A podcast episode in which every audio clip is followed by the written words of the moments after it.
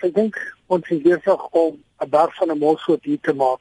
Die realiteit is dat ons weet al lank van die nitraatvlakke in Suid-Afrika het baie goeie wetgewing wat beperk die hoeveelheid nitraat wat daar in die vleis is. En byvoorbeeld daar word onder andere gepraat van biltong in dieselfde asem. Biltong bevat nie eintlik nitraat nie. So biltong per se en varsvleis per se is glad nie gevaarlik nie. Die ander probleem wat hulle het is hulle praat van daar 'n assosiasie van geprosesede vleis eet met kolonkanker. Nou kom ons vat byvoorbeeld spek. As ek die navorsing met 'n ander hoed op sit, min mense eet spek op sy eie. Hulle eet hom heel waarskynlik met eiers.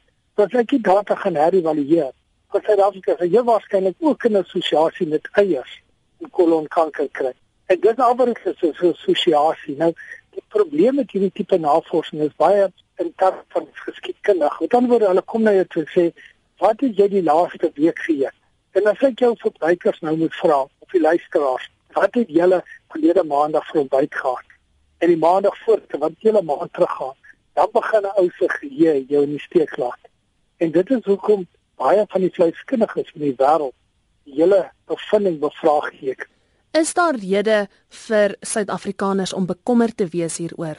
Ek dink nie so nie. Juist omdat ons nie so baie geproseserde vleis eet nie. Ons eet baie meer vasvleis per se, insluitende varkvleis. So ek dink nie ons moet so bekommerd wees daaroor nie. Wat van ons inname van rooi vleis? Die inname van rooi vleis per se dink ek nie ons hoef bekommerd daaroor nie. Die rooi vleis, varkrooi vleis wat hoofsaaklik is wat Suid-Afrikaners beneem, dit glad nie 'n hoë korrelasie met kanker per se.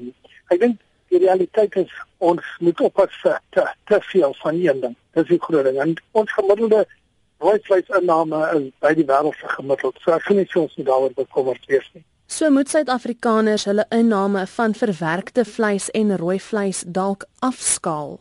Ek weet nie of dit nodig is nie, want ons eet nie so baie nie.